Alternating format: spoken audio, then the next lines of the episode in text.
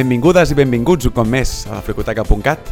Avui gravem de dia. Hola Nacho, com estàs? Bastant refrescant, no? Això de veure la llum del sol. Gravem sempre a hores intempestives i avui és com, uah, la novetat. No sé com sortirà el programa avui perquè venim com molt frescos. La gent es pensarà que et tinc guardat a les golfes, una cosa per l'estil, saps? No, el pis del Víctor està, està molt bé, molt ben il·luminat. Tinc el Nacho a l'armari. Gravo des de l'armari jo. Ell, en veritat, grava des del saló, tot còmode, però no, jo estic des de l'armari i el miro des d'una webcam, no? Avui parlem d'un tema que fa temps que volem parlar i segurament serà una mena com de primera part... Serà com la primera part, crec jo, de una sèrie de programes basats en pel·lícules d'animació, potser que la gent no acostuma a parlar d'elles com grans pel·lícules i nosaltres creiem que sí que mereixen aquesta categoria de grans pel·lis del cinema d'animació. Les joies ocultes, que dèiem, no? Exacte, les joies ocultes, molt ben dit. Pel·lícules que, pel que sigui, potser pel moment en què van sortir o perquè en taquilla no van, no van tenir gaire d'èxit o el que sigui, han quedat una mica oblidades o en un segon pla respecte a altres pel·lícules de la mateixa companyia o de companyies eh, rivals i que potser haurien d'estar al mateix nivell o inclús per sobre d'aquestes en segons quins casos, no? Però bé, abans d'això parlem una mica de què, Nacho? Parlem avui de l'etapa post-renaixement, ho he dit bé? és que cada cop amb, amb Disney és molt divertit, no? Això de les etapes, per qui no sapigueu, algun friki ha qualificat la filmografia dels estudis de Disney eh, per etapes de, bueno, de l'etapa d'or, la de plata, la de bronze, el, la decadència, no? Crec que es diu, o la Dark Age. Després el renaixement i el post-renaixement, que és aquest concepte, no? Realment jo mai he acabat d'entendre la diferència entre la fase del renaixement, que podríem dir que seria tocant els 2000, podria ser, més o menys, o abans, o cap als anys 90, és aquesta etapa...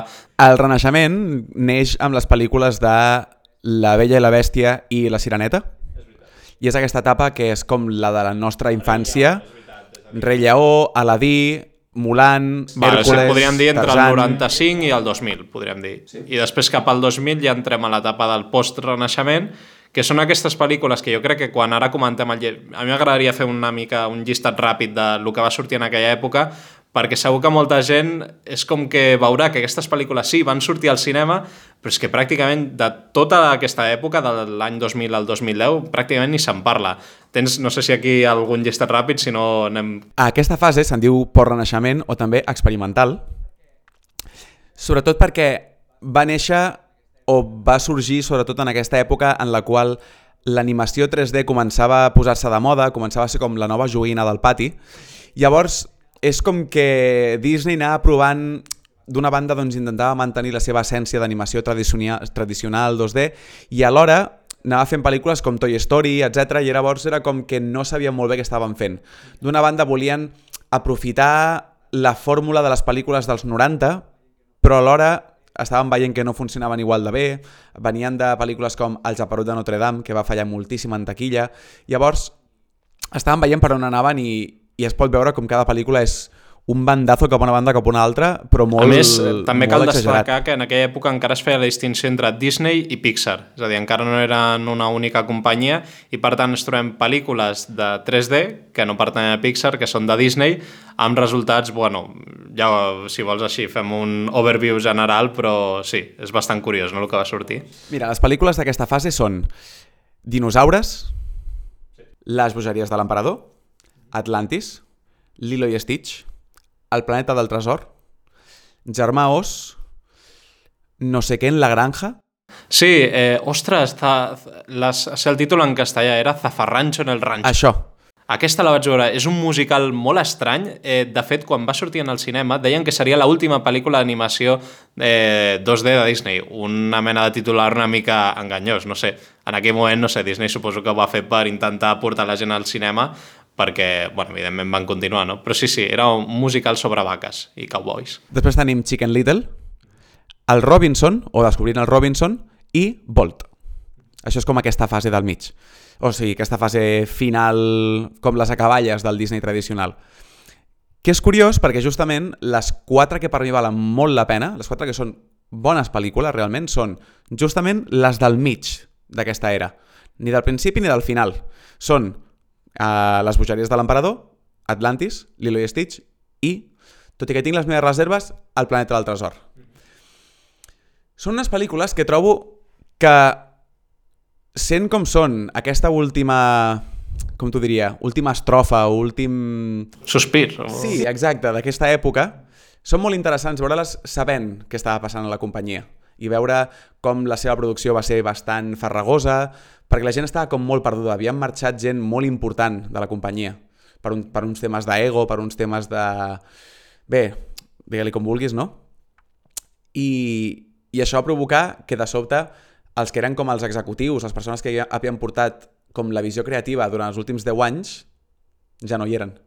També per un tema d'edat, no? És a dir, al final és un tema generacional. Es nota que aquestes pel·lícules, la manera de fer és com molt moderna, no? Podríem dir...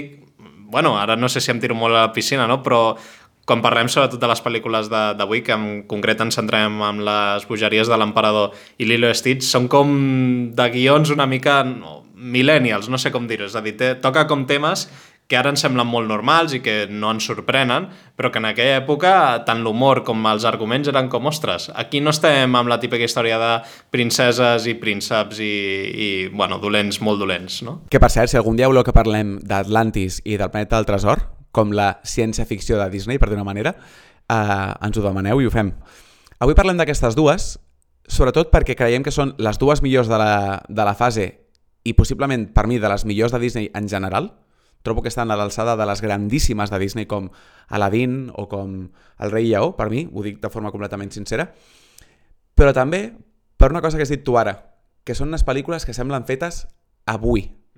No han envellit gens en quant a missatge, en quant a humor, en quant al tipus d'història que expliquen. Són molt actuals. Són unes pel·lícules que les veus avui en dia i dius, ostres, segur que tenen 25 anys aquestes pel·lícules? Perquè no ens oblidem que són l'última fase de Disney, però van sortir entre el 99 i el 2003 o 2002, em sembla. Sí, sí Lilo Stitch és del 2002 i Les bogeries de l'emperador crec que més o menys a la part, a la, abans, no?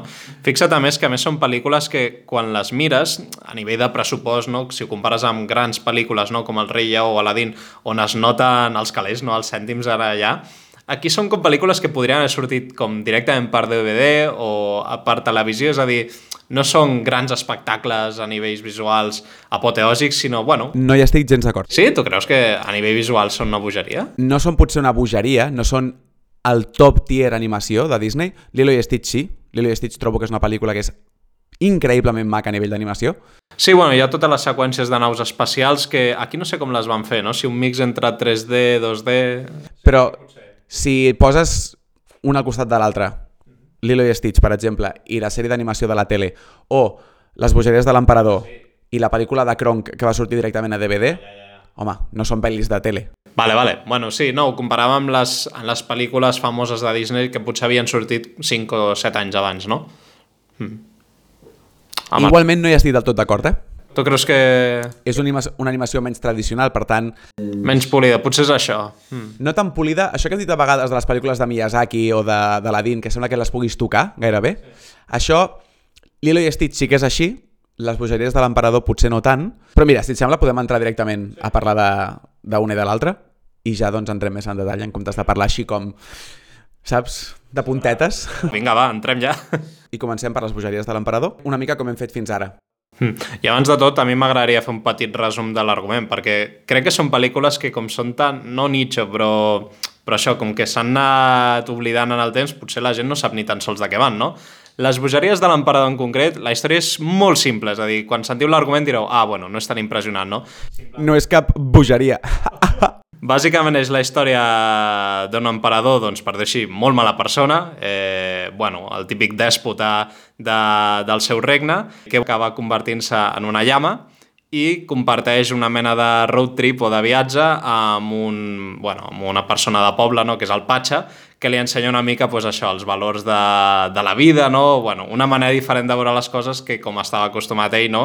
eh, que era el típic emperador mimat que tot havia sortit sempre doncs, segons els seus capricis. No? Ja està, és a dir, l'argument general realment no té cap mena de, bueno, de missatge molt novedós, podríem dir, però d'aquesta pel·lícula destaco que eh, l'humor és bueno, podríem dir és que sembla que, que sapiguessin el que eren els memes, no? És a dir, és una pel·lícula d'un humor molt especial, podríem dir, que no s'assembla res al que ens té acostumat Disney, a unes escenes divertidíssimes entre bromes meta, diàlegs amb el propi espectador i fins i tot a mi em va sorprendre moltíssim, ara que la vaig veure com a adult, eh, el fet de bromes que per dir-s'hi esperen al seu temps. És a dir, estem acostumats a l'humor ràpid, potser, jo que sé, de les pel·lícules de Marvel, no? I aquí tenim escenes que vull destacar en concret, el dinar o el sopar que té l'emperador amb, a, amb els enemics de la pel·lícula, no? amb la Izma i el Kronk, és una passada. És a dir, tenim o sigui, una escena que és un pla fixe de l'emperador totalment empanat, mirant cap a l'infinit, però, o sigui, o sigui, totalment anat, no?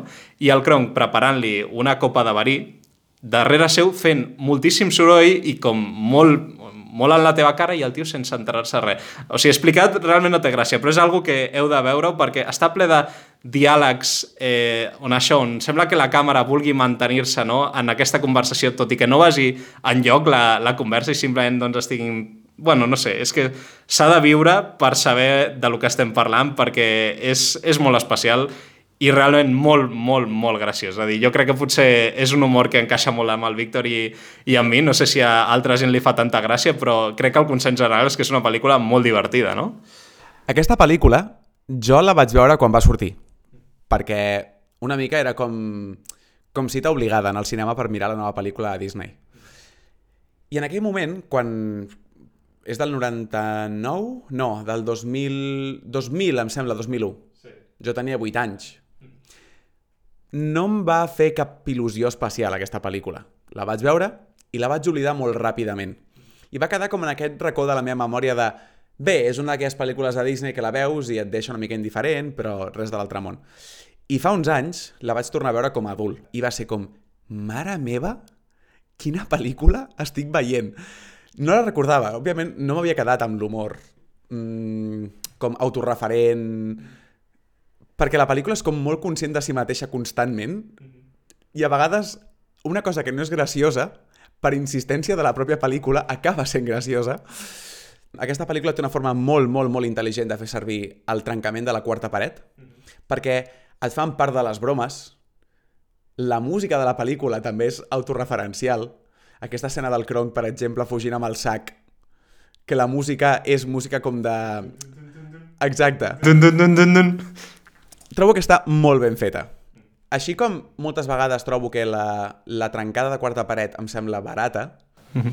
Hi ha tres, tres casos específicament que trobo que són brillants, que són el de les bogeries de l'emperador, el de She-Hulk, més recentment, que m'ha semblat fantàstic, i després el de potser la meva sèrie preferida de tots els temps, que és Fleabag, que és una sèrie on el trencament de quarta paret és literalment un personatge de la sèrie més.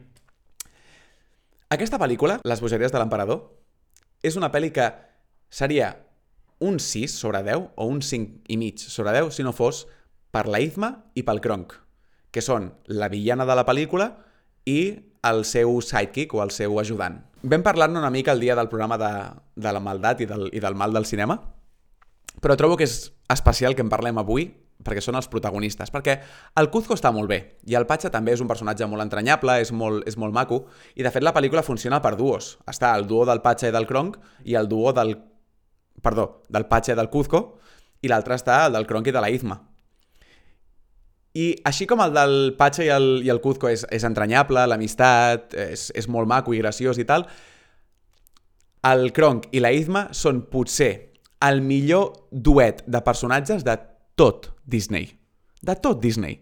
És com que agafen la idea de què vol dir ser un dolent de pel·lícula o de sèrie o el que sigui i li donen la volta a tot, um, ho passen de rosca completament, les bromes sobre, um, no sé, el seu cau malvat, des d'això fins als plans malvats de la, de la Izma, que són impossiblement complicats, que semblen els plans del Palpatine directament.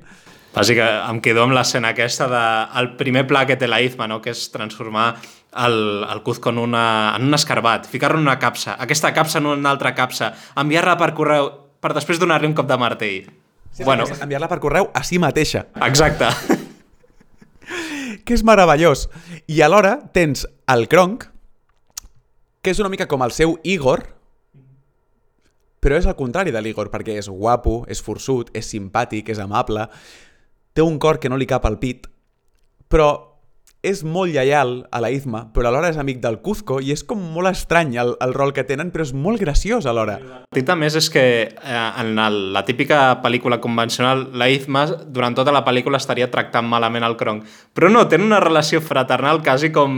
Doncs això també podríem dir entranyable, no? És a dir, també en l'escena del dinar, no? Doncs el, el Cuzco li pregunta, escolta, què tal aquest tio? Ah, pues sí, muy bien. O sigui, no sé, és molt curiós, no?, que et trobis allà com el malvat de la pel·lícula com content, no?, amb el seu sidekick, tot i que sigui un, un complet desastre. No sé, bueno, és, és molt maco i, i, bueno, a més, vull destacar el que has dit, no?, el tema aquest de com el trencament d'aquesta quarta paret fa participar l'espectador, no m'ho havia plantejat, però realment és algo que crec que cap pel·lícula ho fa tan bé com en aquesta pel·lícula. És a dir, quan diem que fa un trencament de quarta paret, no és simplement que faci una broma referencial de ai, mira, sí, eh, està passant això. No, no, és que literalment la broma eh, funciona perquè està fent com que t'està quasi recollint, no? està fent que l'espectador doncs, entri dintre la pel·lícula. I és una cosa que crec que és que fins i tot amb això, amb She-Hulk, està bé, però realment destaco les bogeries de l'emperador com cas excepcional. No crec ni que Deadpool ni altres casos que hagin sortit en el cinema actual hagin aconseguit fer una trencada de la quarta paret tan bona. És que sí, sí. Hi ha alguna cosa que no t'agradi de la pel·lícula? No sé, la vaig veure ara fa un, uns mesos i realment em sembla perfecta per lo que és. És a dir, és una pel·lícula amb pretensions, doncs, per dir-ho així, baixes, no està plantant d'aquí cap història tremenda, però, però la trobo molt rodona amb el que planteja. És a dir, no, no ho sé, no hi ha cap personatge que tampoc em grinyoli, sempre, sí, hi ha els típics personatges de nens que potser poden ser una mica pesats, però també és la gràcia, no? Són nens i, i actuen com són i fan bromes doncs, potser que estan més enfocades al públic infantil i no tant doncs, al públic no? més, més adult, no? Però, però escolta, també els nens han de tenir el seu espai i, i bueno, hi ha les bromes per nosaltres, no? autorreferencials de la Izma i el Kronk, i també doncs, ha d'haver-hi un espai no? pel públic més infantil, que també a nosaltres també potser ens fan gràcia, no? Quan la veus, a poc a poc hi vas entrant i crec que el, el màxim payoff, la màxima recompensa, com hem parlat més d'un cop, és l'escena del restaurant, que és l'escena de la pel·lícula per mi, perquè tot això d'autoreferencial, de, de ser com una mica absurda en, en si mateixa, és aquí on agafa com, no sé, és com arriba com el, el seu, el punt més àlgid, perquè tot en aquesta escena, tot, absolutament tot, és tan absolutament ridícul, tan fora de lloc, però tan ben escrit, però ja t'ho... O sigui, trobo que és molt intel·ligent perquè t'ho tragues, perquè portes una estona veient la pel·lícula i ja estàs ficat dintre del to d'aquesta.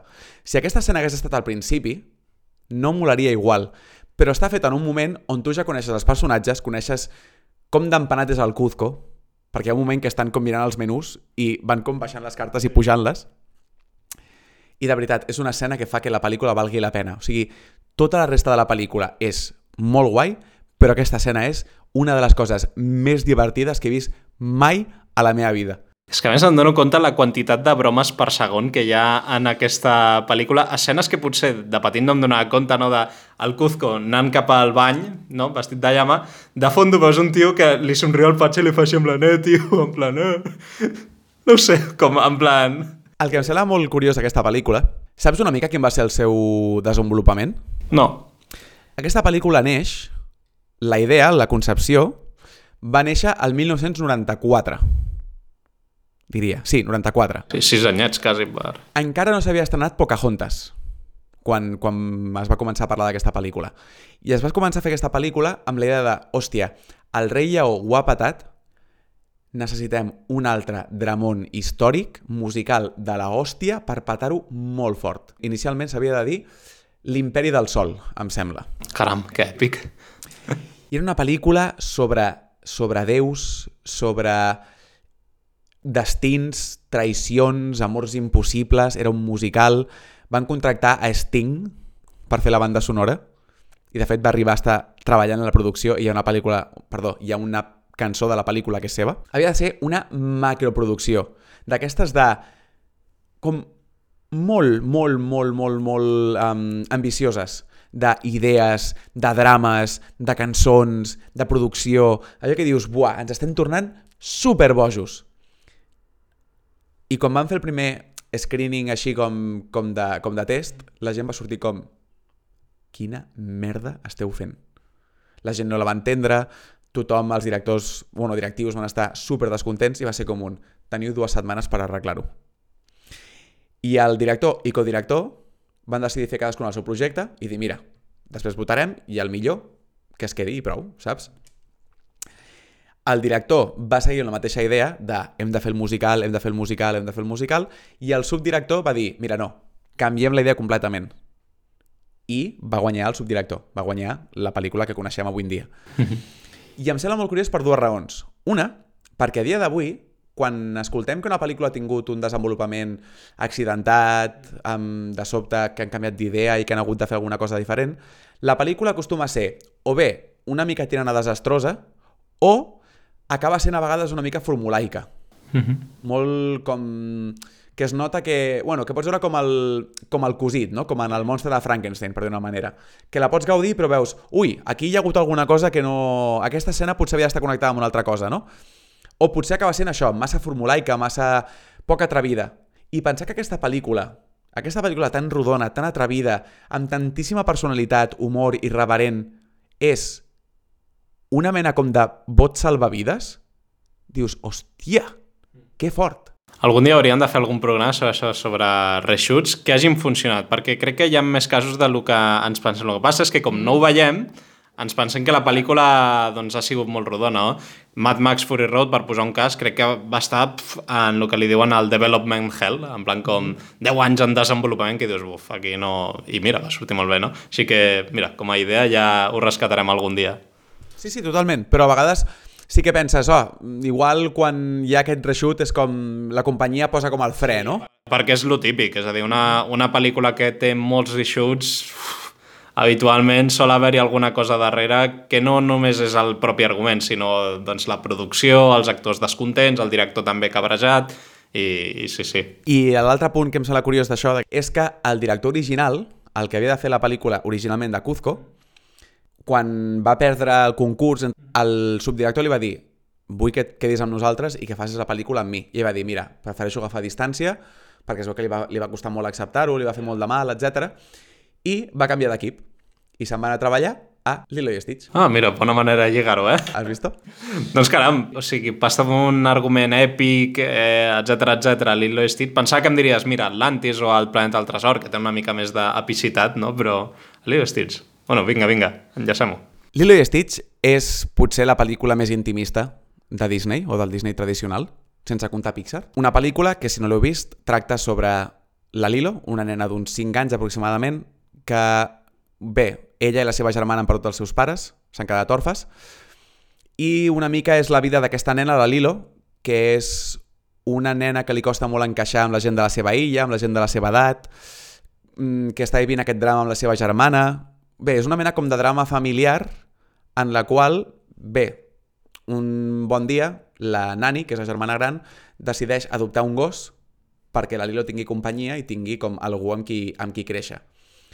I resulta que la Lilo, el dia que va a la protectora d'animals, allà hi ha l'Stitch, que resulta ser un experiment mmm, de mutació alienígena d'un altre planeta, que s'està refugiant a la Terra perquè no el puguin matar i no el puguin capturar. Mm, a més, destacar que l'Stitch és com a concepte una mena de màquina de destrucció massiva, és a dir, és com el defineixen com el, la criatura perfecta com l'alien, no? Podríem dir. És una mena d'híbrid, salvant les distàncies entre ET i Alien, no Terminator, no? I, I sí, bueno, al principi podem veure no, doncs, que decideix seguir amb la història de la Lilo, bàsicament doncs, això per que no el pillin no? I, i una mica amagar-se de, de, bueno, de tota la policia galàctica, no? Paral·lelament també hi ha com la trama aquesta no? de, de bueno, que la, la pròpia unitat familiar no? de, la seva, de la família no? entre la germà i la Lilo s'està a punt de trencar perquè els serveis socials estan pràcticament a punt de, de separar-la, és a dir, bueno, és una mica la batidora aquesta entre drama familiar i aventura galàctica no? i com la Lilo doncs, eh, i les Stitch evolucionen no? com a com a personatges al llarg de bueno, totes les seves peripècies. Una combinació d'històries que trobo que sobre el paper no funciona. Jo em pregunto qui va dir, ah sí, bona idea, mm, drama espacial i una mica com, jo que sé, mm, temes interplanetaris amb una família amb a punt de, de trencar-se i a punt de, de desfer-se, no? Però és molt curiós perquè aquesta pel·lícula, si ho penses d'alguna manera, és una mica, una mica com Frankenstein. Mm -hmm. El Stitch és el monstre de Frankenstein, el Bunta és el, el doctor Frankenstein, la Lilo és la nena que, que agafa l'amistat de, del monstre. Aquesta pel·lícula, com tu ja saps, és una de les meves preferides de tots els temps. És una pel·lícula que és entranyable, és, és molt, molt, molt maca en el seu contingut de missatge, vull dir, sobretot en el seu argument, perquè d'una banda, l'experiència de l'Stitch amb la Lilo l'humanitza i el converteix en, en una criatura capaç de tenir empatia i el que sigui, i alhora el, el seu reconnectar o el seu connectar amb el, no sé, amb la seva empatia i amb la seva forma de cuidar de les coses, aconsegueix que la Nani i la Lilo una mica com curin les seves ferides no sé, que aquesta pel·lícula té com molts fronts oberts, no? Perquè d'una banda tens a la Lilo, que és una, una nena que ho passa fatal perquè li fan bullying, pobra. I realment és entranyable. Perquè, pobreta, fa el que pot i simplement és que és molt rara per les seves amigues i, i les seves amigues la rebutgen. I, de fet, un tema que és especialment entranyable és que la veu de la Lilo en anglès és la mateixa veu que la Chihiro i jo quan les escolto és que me caen los lagrimones, de verdad. Després tens la Nani, que, pobra, jo me l'imagino veient els meus alumnes de, de 17-18 anys, és un adolescent que de sobte s'ha d'encarregar de la seva germana petita i la seva vida la perd completament perquè no pot ni sortir amb el xicot que li agrada perquè, o amb el seu xicot, no se sap molt bé si són parella o no durant la pel·lícula, perquè s'ha d'encarregar de, la seva, de la seva germana i ha de treballar i ha de fer front als, als serveis socials perquè no vol perdre la seva germana. Però alhora és una pel·lícula on tot està en un equilibri tan a punt de trencar-se, ja estàs molt tens, però t'ho estàs passant molt bé. No sé, és una pel·lícula que de veritat, si no l'heu vist com a adults, us recomano moltíssim perquè la complexitat emocional d'aquesta pel·lícula, dels seus personatges, dels seus missatges, a més, fa servir un dels trops de cinema o de, o de storytelling que més m'agraden, que és el de la família trobada. Uh mhm. -huh. Una sèrie de persones que potser no, no tenen un lligam de sang, però per coses al destí es converteixen en família. És que, de fet, aquest és el, el punt principal no, de la pel·lícula, és a dir, al final la família no té per què ser la típica unitat familiar de eh, pare, mare, fills i, i tot perfecte, xatxi piruli, no. Ens podem trobar en situacions incòmodes, no?, de, bueno, de, de nens orfes, no?, Eh, I, bueno, al final, com, doncs, bueno, si el caliu familiar està dintre de la casa, no? doncs es pot arribar a crear una família, no? Eh, que crec que és el missatge aquest que, que tant m'agrada, no? Com, bueno, doncs el que deies, no? Potser personatges o estructures familiars que aparentment des de fora doncs dius, ostres, això acabarà funcionant, si realment hi ha amor a la casa, doncs, doncs funciona, no? És, com, és molt maco, a més, no? I que a més un dels d'aquests personatges familiars sigui l'Stitch, no? que és com el que precisament no hauria de ser amor, no? perquè és un, un bitxo dedicat a, a destruir, com més caos millor. No? Ohana significa família. Hi ha dues coses que m'agraden especialment d'aquesta pel·lícula. D'una banda està el fet que, contràriament al que havia passat, per exemple, amb Pocahontas, on hi ha zero respecte per la cultura nativoamericana, Aquí aquesta pel·lícula està feta per gent nativa. Hi ha gent en el cast de veus, hi ha gent a nivell d'animació, a nivell de producció, etc, que són gent nativa hawaiana. I això és fantàstic perquè d'una banda fan que la illa de Hawaii agafi un protagonisme i una essència molt més autèntica i alhora fa que sigui molt més còmode de veure el 2022 perquè en una època en la que estem veient com moltíssimes produccions han estat fetes per gent blanca amb zero respecte cap a segons quines tradicions, segons quins... Veure com aquesta pel·lícula de fa tantíssim temps, has dit abans 2003 o 2002? 2002. Del 2002, ja va agafar aquesta idea de no, no, és que volem que aquesta pel·lícula estigui feta per gent d'allà, perquè volem que expliquin la història com l'explicaria algú d'allà.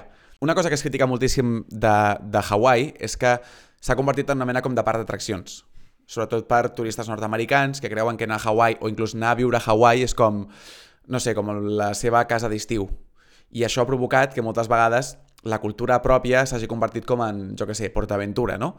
I m'encanta com aquesta pel·lícula fa servir el personatge del turista i com la Lilo fa fotos dels turistes i els tracta a ells com si fossin els animals a, a visitar el zoo. ah, per això li fa la foto. De fet, a casa seva té tota una col·lecció de fotos de turistes, perquè per ella, des del seu punt de vista de tinc 5 anys i ve aquesta gent estranya a casa meva, per ella són ells els estranys. Per ella són els, els animals com, com trets de- d'un zoo, saps? El turista americà és molt estrany, eh? és a dir, el totalment cremat, vermell, és, o sigui, si et poses en la seva pell, realment és una criatura més estranya fins i tot que les Stitch, no? I per això és molt especial a nivell identitari aquesta pel·lícula, perquè en comptes de tractar Hawaii des de la perspectiva dels blancs i que Hawaii i els hawaians siguin estereotipats, eh, cliché, etc, el que és estereotipat i cliché és el turista nord-americà i els diversos turistes que es veuen durant la pel·lícula, que trobo que això és molt intel·ligent i una altra de les raons per les quals aquesta pel·li ha envellit tan tremendament bé en el 2022, avui en dia encara es pot veure com si fos d'ahir. Mm -hmm. Això ja és com molt guai, reconfortant en el 2022. I alhora, el que deies tu abans, No, és que aquestes pel·lícules podrien haver sortit per DVD. no. Lilo i Stitch és una pel·lícula que la podries mirar sense volum, és a dir, completament en silenci, i estaries plorant igual. Perquè no només està dibuixada amb un detall increïble i és preciós a nivell de colors, de textures, de disseny de personatges i tot, sinó que, a més, els personatges gesticulen d'una manera que és al·lucinant. Hi ha un parell d'escenes que, quan penso en aquesta pel·lícula, em venen al cap automàticament, que són, una, en una de les baralles entre la Nani i la Lilo, que es posen com les cabres i ah, t'ho diu, no sé què, i tanquen la porta, la Lilo es posa al terra de la seva habitació mirant cap amunt amb els seus auriculars escoltant a Elvis, perquè la Lilo està obsessionada amb l'Elvis, um, i la, la Nani està cridant a través de la porta, rotllo, obre'm, que venen els serveis socials, i la Lilo està mirant el sostre amb els seus auriculars, o la cançó, però a tota hòstia, i pots veure com està movent la boca, i pots, i pots veure com està fent la veu o com està fent la, la lletra de la cançó de, de l'Elvis, i està fet tan guai, i després, la primera escena de la pel·lícula, que és l'escena en la qual la Lilo fa tard a la seva pràctica de dansa hula, i comença tota la seqüència amb ella fent surf, anant de donar de menjar el seu entrepà de mantega de cacauet amb marmelada al seu peix preferit, tota animada de forma preciosa amb una cançó que a dia d'avui diria que és la meva cançó preferida del món mundial. Llavors, i després tot el tema de, eh, com deies tu, les persecucions amb l'avió, tot això, trobo que és una pel·lícula que mereixia estar al cinema i és de les potser millor animades de Disney, crec jo. Li dono una segona oportunitat, doncs. Algun dia la miraràs, crec jo, amb les teves filles, aquestes pel·lícules? I tant, no, no, aquesta més és... Hi ha pel·lícules de Disney on els valors pues, fan una mica de cosa no? i s'haurà de passar de, una mica de puntetes, no? explicar-ho bé, però en aquestes com que la puc veure i sé que no, no sé com dir-ho, que, que es pot posar fàcilment, no fa falta explicar massa o, o arribar a corregir. Eh, bueno, algun dia ja ho parlarem, eh? però, però sí, certes pel·lícules de l'edat d'or, no? de plata, les acabarem veient perquè és inevitable, és a dir, és, és cultura... no sé com dir-ho, Massiva. eh, que, que és impossible escapar de, de Blancaneus perquè te la trobes a la volta de l'esquina, o sigui, jo abans mentre venia pel carrer me l'he trobat i m'he espantat una mica. Bueno, Hosti, Blancaneus! de... Què fas al Llobregat? En canvi, Lilo Stitch, si t'hi fixes, no te la trobaràs mai. És una pel·lícula, bueno, sí, sí, busques el catàleg de Disney Plus, està allà, però com que tampoc hi ha molt de, molt de rebombori, no?, podríem dir. Bueno, no sé, potser també està en, en les mans nostres, no?, de, de les generacions de nous pares, també escollir quines pel·lícules no eh, val la pena posar no, als nostres fills i quines, doncs, bueno, sí, estan al catàleg, però tampoc donar-los molt de bombo, no? Una pel·lícula que és maca, una pel·lícula amb bons valors, una pel·lícula amb una identitat eh, cultural molt respectada, bona música, bons personatges, i a més de tot, el que hem parlat últimament del gènere aquest, el solar punk o el hope punk, Lilo i Stitch és una història de hope punk, perquè té ciència-ficció, elements així com espacials i tal, però no deixa de ser una pel·lícula que està feta perquè somriguis. Mm. Sí, el, tot el, per dir-ho així, l'entitat governamental dels aliens i tot això, no són tampoc eh, criatures dolentes que busquen el mal, no, simplement, bueno, són una mica buròcrates, no podríem dir, però en general tots, fins i tot, eh, el, ara potser estic dient una borrada, no? però crec que el científic, el Gumba o Jumba o alguna així, com, com que tampoc és allà una cosa dolenta, no? Bueno, també té el seu corazoncito, bueno. No, no, i tant. Sí, sí, o sigui que, que dintre el que cap, no? Com tots els personatges tenen la seva brillantor. És una pel·lícula molt wholesome. ojo, que fa plorar. I molt. O sigui, és una pel·lícula que quan té la seva baixada emocional, perquè a vegades passen aquestes... Bueno, a vegades no, gairebé sempre. És molt formulaic. Tot comença a anar bé, però de sobte hi ha un malentès o hi ha alguna cosa que fa que tothom... És com que tot anava malament i quan comença a anar bé de sobte hi ha alguna cosa que fa que les coses vagin malament per després tornar a tenir la catarsi del final. Quan hi ha aquests moments en què les coses van malament, hòstia, hi ha una escena en el que la Nani i la Lilo estan al porxo de casa seva com mig acomi acomiadant-se perquè és com que han fet com la gota que ves al vas i de sobte els serveis socials han dit ja n'hi ha prou, et trec a la teva germana i s'estan acomiadant i la Nani està cantant una cançó a la seva germana Mare de Déu semejante mazazo emocional però la pel·lícula és molt maca, és molt cookie. I de veritat, si no les heu vist, aquestes dues, una per ser graciosa com ella sola i l'altra potser per ser la pel·lícula més humana de tot Disney, és que em fa molta ràbia perquè són pel·lícules que mereixen estar per mi en el top 5 d'aquesta companyia. No, sí, perquè clar... Bueno, no sé, em sembla millor que Hèrcules a mi aquesta pel·lícula. Hércules també ha estat bastant oblidada, no?, al llarg dels anys. Sí, pot ser. No, però, però sí, posem, jo què sé, Però millor que La Bella i la Bèstia. o Peter Pan o aquestes, sí. Però, però de carrer. Són molt més complexes, molt més actuals, molt més còmodes de veure. Um, no sé, tenen un missatge molt més guai i molt més potent. No sé, una, una identitat... I aquestes pel·lícules tenen molt això. Un missatge molt clar, una identitat que desborda i, i que, no sé, que surt per tots, els, per tots els cantons, no? I això és el que vull en aquestes pel·lícules, que em diguin alguna cosa que no m'ha dit cap altra, potser. O que tingui uns personatges que no té cap altra pel·lícula.